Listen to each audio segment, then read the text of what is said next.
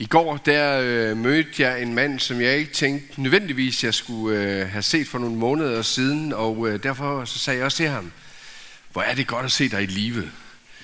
Tilbage i juni måned, der skete det for ham, vi kan kalde ham Kai, at øh, han havde egentlig meget ondt i kroppen, meget mere ondt, end han plejede at have, og tænkte, at øh, det kunne noget smertestillende nok hjælpe med.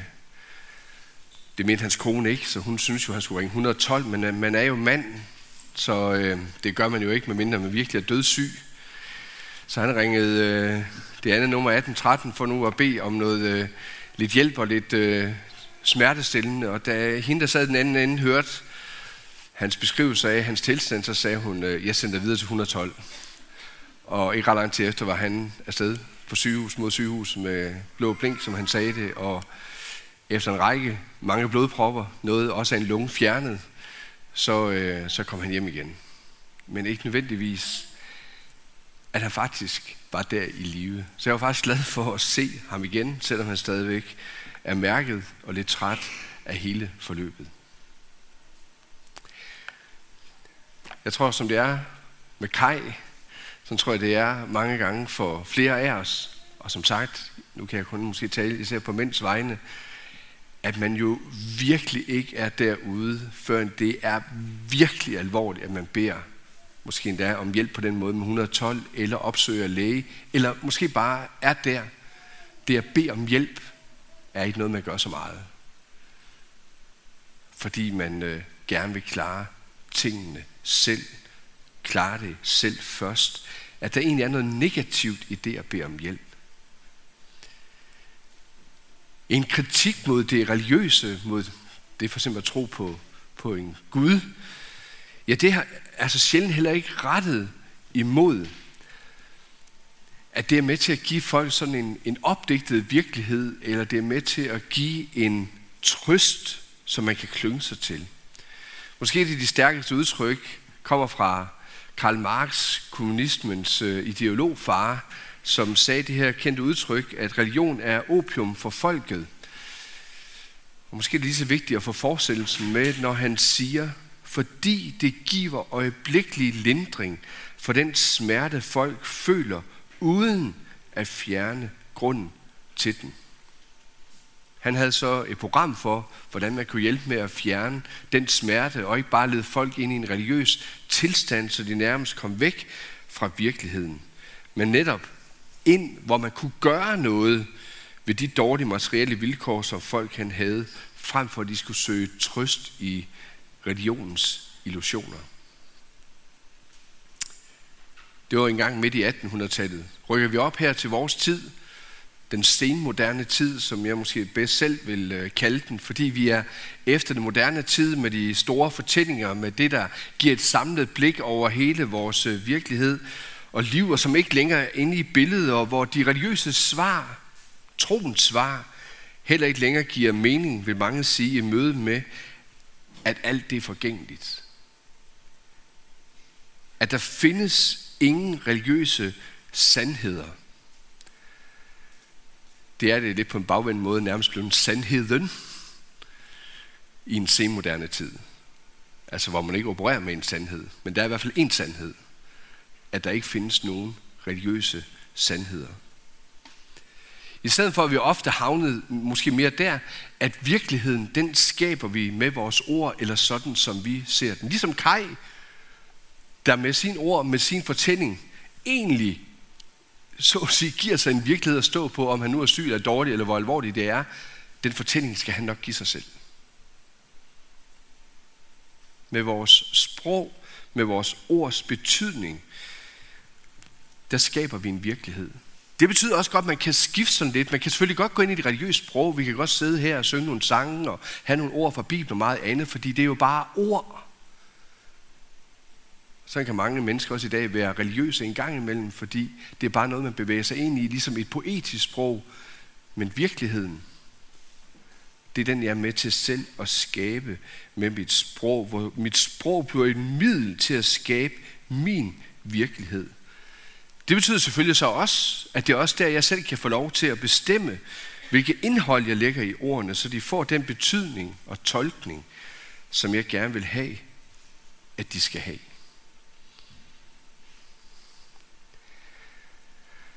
Det kan lyde meget besnærende, og det kan virkelig også lyde som om, at det er jo fantastisk, at man nærmest kan skabe sin egen virkelighed. Jeg tænker faktisk også, at det her, der er virkelig et af de helt store problemer og udfordringer for mange mennesker i vores tid. Fordi det betyder så også, at jeg bliver ansvarlig for at skabe min virkelighed. Og den virkelighed, så at sige, jeg skaber, eller det jeg måske i tanker, håb og drømme ligger hen til mig selv, er jeg også ansvarlig for at realisere med mit liv. Det kan der også måske blive sådan, at livet det heller ikke bliver større, end det jeg med ord og sprog kan give virkelighed. Og derfor tror jeg, at mange af os, der sidder herinde, vi lever sådan lidt i vores egen virkeligheder. Fordi vi har lært, at vi selv skaber virkeligheden. Og kom ind i den her tankegang omkring vores liv og virkelighed. Det gør måske, jeg tænker, at når buddhismen, ikke i den oprindelige udgave, men den, der ofte er blevet sådan en moderne vestlig udgave, er besnærende for mange mennesker i dag, så kan jeg på mange måder godt forstå det. Var der et punkt, hvor man måske skulle sige, at Buddha, han så rigtigt, så var det hans nøgterne konstatering af, at tilværelsen, som vi umiddelbart ser den, er helt igennem forgængelig. Essensen i buddhismen, ja, det er jo at se tilværelsen, som den er. Og når det bliver essensen i ens livssyn, ja, så kan sådan en tilværelsesforståelse, tror jeg, også hjælpe rigtig mange mennesker til at, øh, så at sige, søge en fred ind i mange af de verdens ting, man ser, som jo er virkelig kompleks. Og midt i det finde sit eget lille helle. I det lys kan jeg godt forstå, at meditation, yoga og mange andre ting, og det er måske også at søge ind i sit eget indre og få min lille virkelighed – hvor jeg kan så at sige slippe fri fra alt det andet, at det bliver besnærende og en god hjælp. Og i det også få redskaber til at se virkeligheden, som den er. I hvert fald når jeg ser den. For hvis jeg kan finde den ro, og samtidig se virkeligheden, som den egentlig er, behøver jeg så egentlig nogle svar og hjælp fra noget religiøst, fra at tro på en Gud eller på Jesus for at blive hjulpet.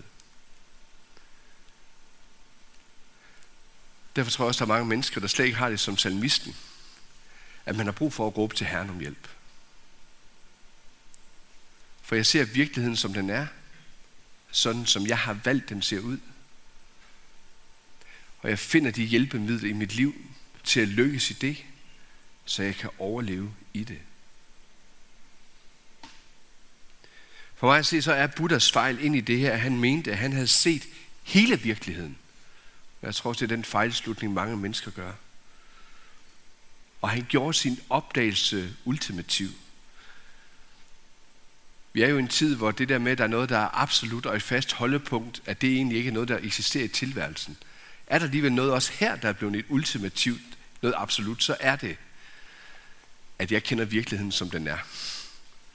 Så kan folk i hvert fald ofte have det, eller at det er sådan, jeg selv ser det. Min påstand den er med kristen troen i ryggen, at intet menneske kan se hele virkeligheden i egen kraft. Livet, virkeligheden, er større og mere, end vi kan gennemskue. Og det er faktisk her, at Jesus midt ind i alle de tankestrømninger, der kan optræde på forskellige måder, det her, Jesus han træder ind på banen her i verden, og så gør krav på at sige, at sådan hænger virkeligheden ikke sammen. Virkeligheden er mere, end du kan se. Virkeligheden er mere, end det du skaber. Virkeligheden, ja, den vil jeg faktisk gerne vise dig, for den er så meget mere, end du kan rumme. Men som jeg, som evig Gud og som sand Herre og frelser, kan være med til at vise. Noget, som rækker ud over menneskets erkendelse. Jeg tror, når Nicoline læste før fra Markus evangeliet, hvor vi hører om Levi, der var toller, fik navn også Matthæus, da han senere bliver både apostel og, og evangelist. Når han den her dag bliver mødt af en større virkelighed end hans egen, så er det helt sikkert, fordi han har siddet der ved sin tolvbåd. Han har også hørt om Jesus, måske endda også hørt ord om Jesus, sådan lidt i det skjulte, måske på anden eller tredje hånd. Men han ved, at den dag, hvor Jesus står der, møder ham, der bliver det en virkelighed,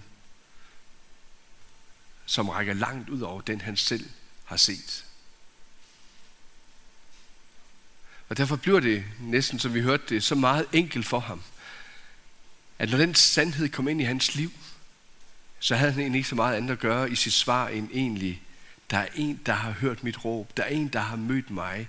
Der er en, der har trukket mig op. Ja, ham vil jeg følge. Der er en hjælp her at få. Der er en virkelighed, der er større end min. Og der er et håb, som han peger ud. Jeg er sikker på, at Levi han har indset, at hans forgængelighed, det er ikke det sidste, der kan siges om virkeligheden. Når Jesus som den evige Gud, og ham, der har overvundet dødens magt, og selv er det levende håb, når han træder frem. Levi har også indset, at den virkelighed, som hans eget sprog formulerer, den forestilling om tilværelsen, som han er med til at sætte en begrænsende ramme for os i hans eget liv, det bryder sammen i mødet med Jesus. Så at sige, livet får her sin rette mening. Og så tror jeg også for det tredje, at han også i sin egen tilstand, at han sidder fast der i slam og døn. For sådan tror jeg faktisk, det er. Sådan er det for mig selv i det at have mødt Jesus. At så får man virkelig øje på, hvor kan jeg faktisk ikke ret meget i livet selv, når det kommer til stykket. Hvis der er noget, der hedder synd, hvem kan så rydde det til side i at kende Guds kærlighed? Hvis der er noget, der hedder skyld, og jeg skal stå til ansvar for nogen, hvem kan så befri mig for den? Hvis der noget, hedder skam, hvem kan så sætte mig fri fra, at jeg skal leve op til min egen eller andres forventninger ambitioner, der hvor jeg mislykkes i mit liv, og få et andet fodfæste i livet, jeg kan vandre fremad.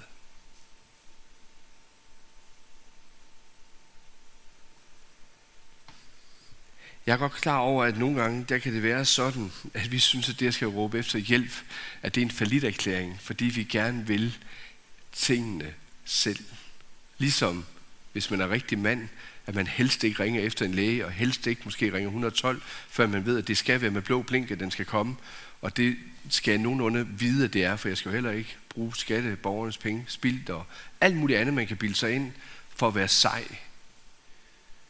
Det er ikke en forlidt erklæring at bede om hjælp. Det er ikke en forlidt erklæring at komme til Jesus og sige, jeg har brug for, at du hører mit råb. Bøjer dig ned, rejser mig op, befrier mig. Det er faktisk ikke en forlidt erklæring. Hverken hvis det er første gang, at du ser, at du er fanget i dam, i, i, øh, i døn og slam, altså i synd og andre ting, du sidder fast i, eller om det er tredje, eller fjerde, eller tiende, eller hundrede gang. For sådan kan det også nogle gange være med et kristen menneske, der egentlig ved, at jeg burde vide bedre, at jeg burde have gjort tingene bedre. Kan jeg så komme tilbage til Jesus igen? Kan jeg komme med mit råb til ham? Er det ikke lidt en falit erklæring, at jeg ikke gør det bedre? Nej. Det er det ikke. Det er faktisk at være ærlig omkring det at være menneske. Eller jeg måske endda sige det så stærkt. Det er faktisk at tage livet alvorligt. At man har brug for den hjælp, Jesus har ræk til et menneske.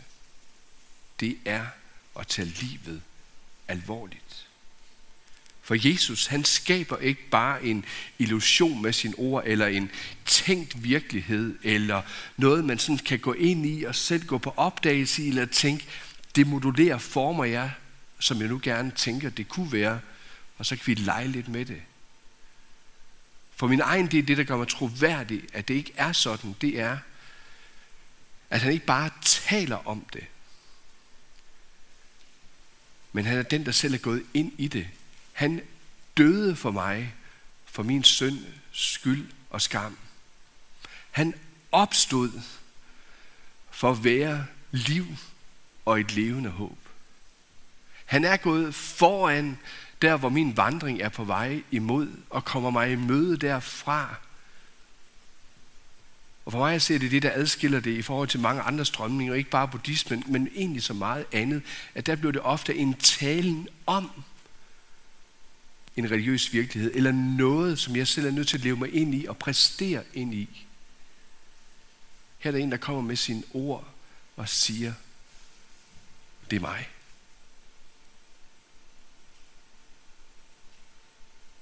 Jeg har selv lid til og våger at sætte tillid til en, der er det, han siger.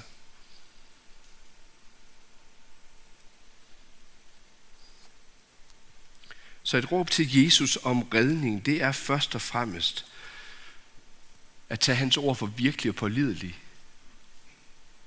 Og så våge også det store skridt og tænke, at de faktisk også må gælde mig. Indse, at jeg har brug for noget hjælp, for livshjælp. Og det at sætte sig ind i den retning med det håb, som han er, det er også at give, så at sige, sin virkelighed ikke form af bare, hvad man selv tænker, eller hvordan man tænker, måske også begrænsning kan være, men det er faktisk at give sit liv her og nu form efter, hvem Jesus han er. Jeg tror, det er noget af det, Jesus han mener med, eller i hvert fald har lagt hen, også når salmisten siger, han lagde mig en ny sang i munden, eller som vi sang det til at begynde med, han lagde i, øh, hvad, hvad, han, han lagde en ny sang i munden, det er omvendt ordstilling der, men øh, det var også en gammel oversættelse, det er lang tid siden og sådan noget. Men han lagde mig en ny sang i munden, så kan vi jo godt bare tænke, jamen det er kun, at vi kan synge med Nicoline som forsanger i dag, der leder os, og så er det lovsangen der, og igen det bare bliver ord.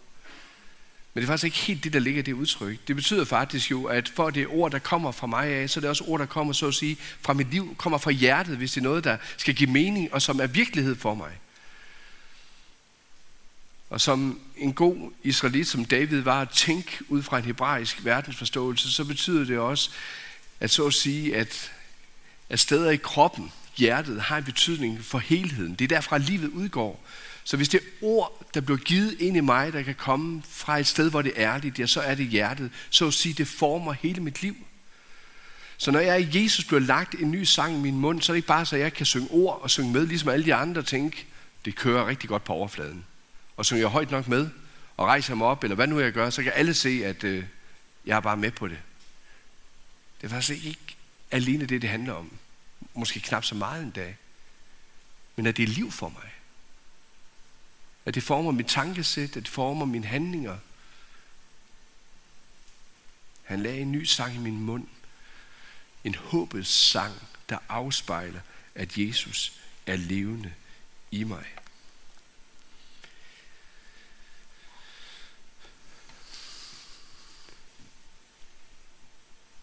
Og der vil jeg også gerne have det sidst opmuntre til, og også opfordre til, jeg tror, at vi i Aarhus Bykirke har brug for at tage nogle af de toner fra den sang også med ind i ja, vores liv hver især, men også ind i vores fællesskab, både når det gælder det store brede fællesskab, men også ud i klynger og, og celler. Jesper han læste fra, fra Judas brev, det her lille brev, vi har, et kapitel, hvor der står så mange gode ting. Især tre sætninger vil jeg slå ned på. I mine, I mine kære skal opbygge jer selv på jeres hellige tro. Bed i Helligånden. Bevar jer selv i Guds kærlighed, mens I venter på, hvor Herre Jesu Kristi barmhjertighed fører jer til evigt liv. Opbygge jer selv på den hellige tro. Bevar jer selv i Guds kærlighed i vores venten på, at Jesus fører os til et evigt liv. Hvordan det kan ske, ja, det kan være meget forskelligt. Vi er som mennesker forskellige, som typer forskellige. Vi hører også forskellige. Jeg er sikker på, at hvis jeg bagefter, nu skal jeg nok lade være, når jeg siger farvel til jer, når vi går ud af kirkedøren i dag, spørger, hvad fik du med? Så er der kommet mindst 50-100 forskellige svar. Fordi du har hørt noget i dag, som du har brug for. Der er måske særligt noget, der talte ind i dit liv.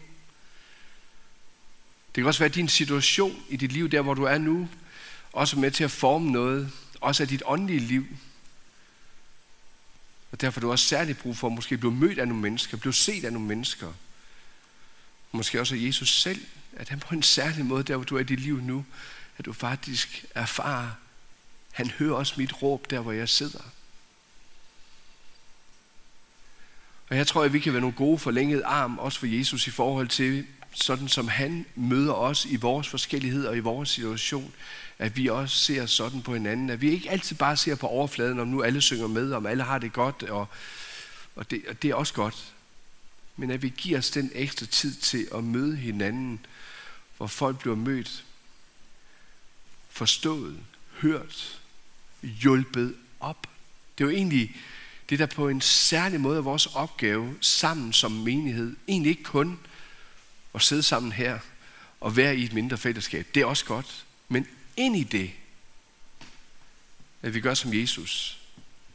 Får hjulpet hinanden op og peget hen på Jesus i det at trække op af synd og døn. Trække ind på en vej, hvor vores liv kan få fodfæste, hvor vi kan vandre sammen hjemad. Der er et åndeligt arbejde her, som Jesus kun kan gøre. Men det at være hjælper på hinanden, at vi opbygger hinanden i vores hellige tro, at vi hjælper med at blive bevaret i Guds kærlighed og blive ført hjemad. Her er der et dejligt stykke benarbejde, som jeg tror, det er vigtigt, at vi øh, tager os tid til og ser hinanden ind i som forskellige og møder hinanden der, hvor vi er. Og jeg er sikker på, at der er langt flere i Aarhus Bykirke, der har brug for at blive mødt på en konkret måde der, end det ofte sker i ugens løb. Og her er vores mindre fællesskaber virkelig et godt sted, hvor vi kan hjælpe hinanden. Vi er sat sammen for at opbygge hinanden i vores hellige tro. At vi må hjælpe hinanden til at blive bevaret i Guds kærlighed, mens vi venter på, at Jesus vil føre os til et evigt liv. Jeg håber, det er en kultur, der præger os. For sådan. Det håber jeg, du er. At vi selv blev mødt af Jesus. Ære være faderen, som har skabt os. Ære være sønnen, som har frelst os. Ære være Helligånden, som gør dette levende for os.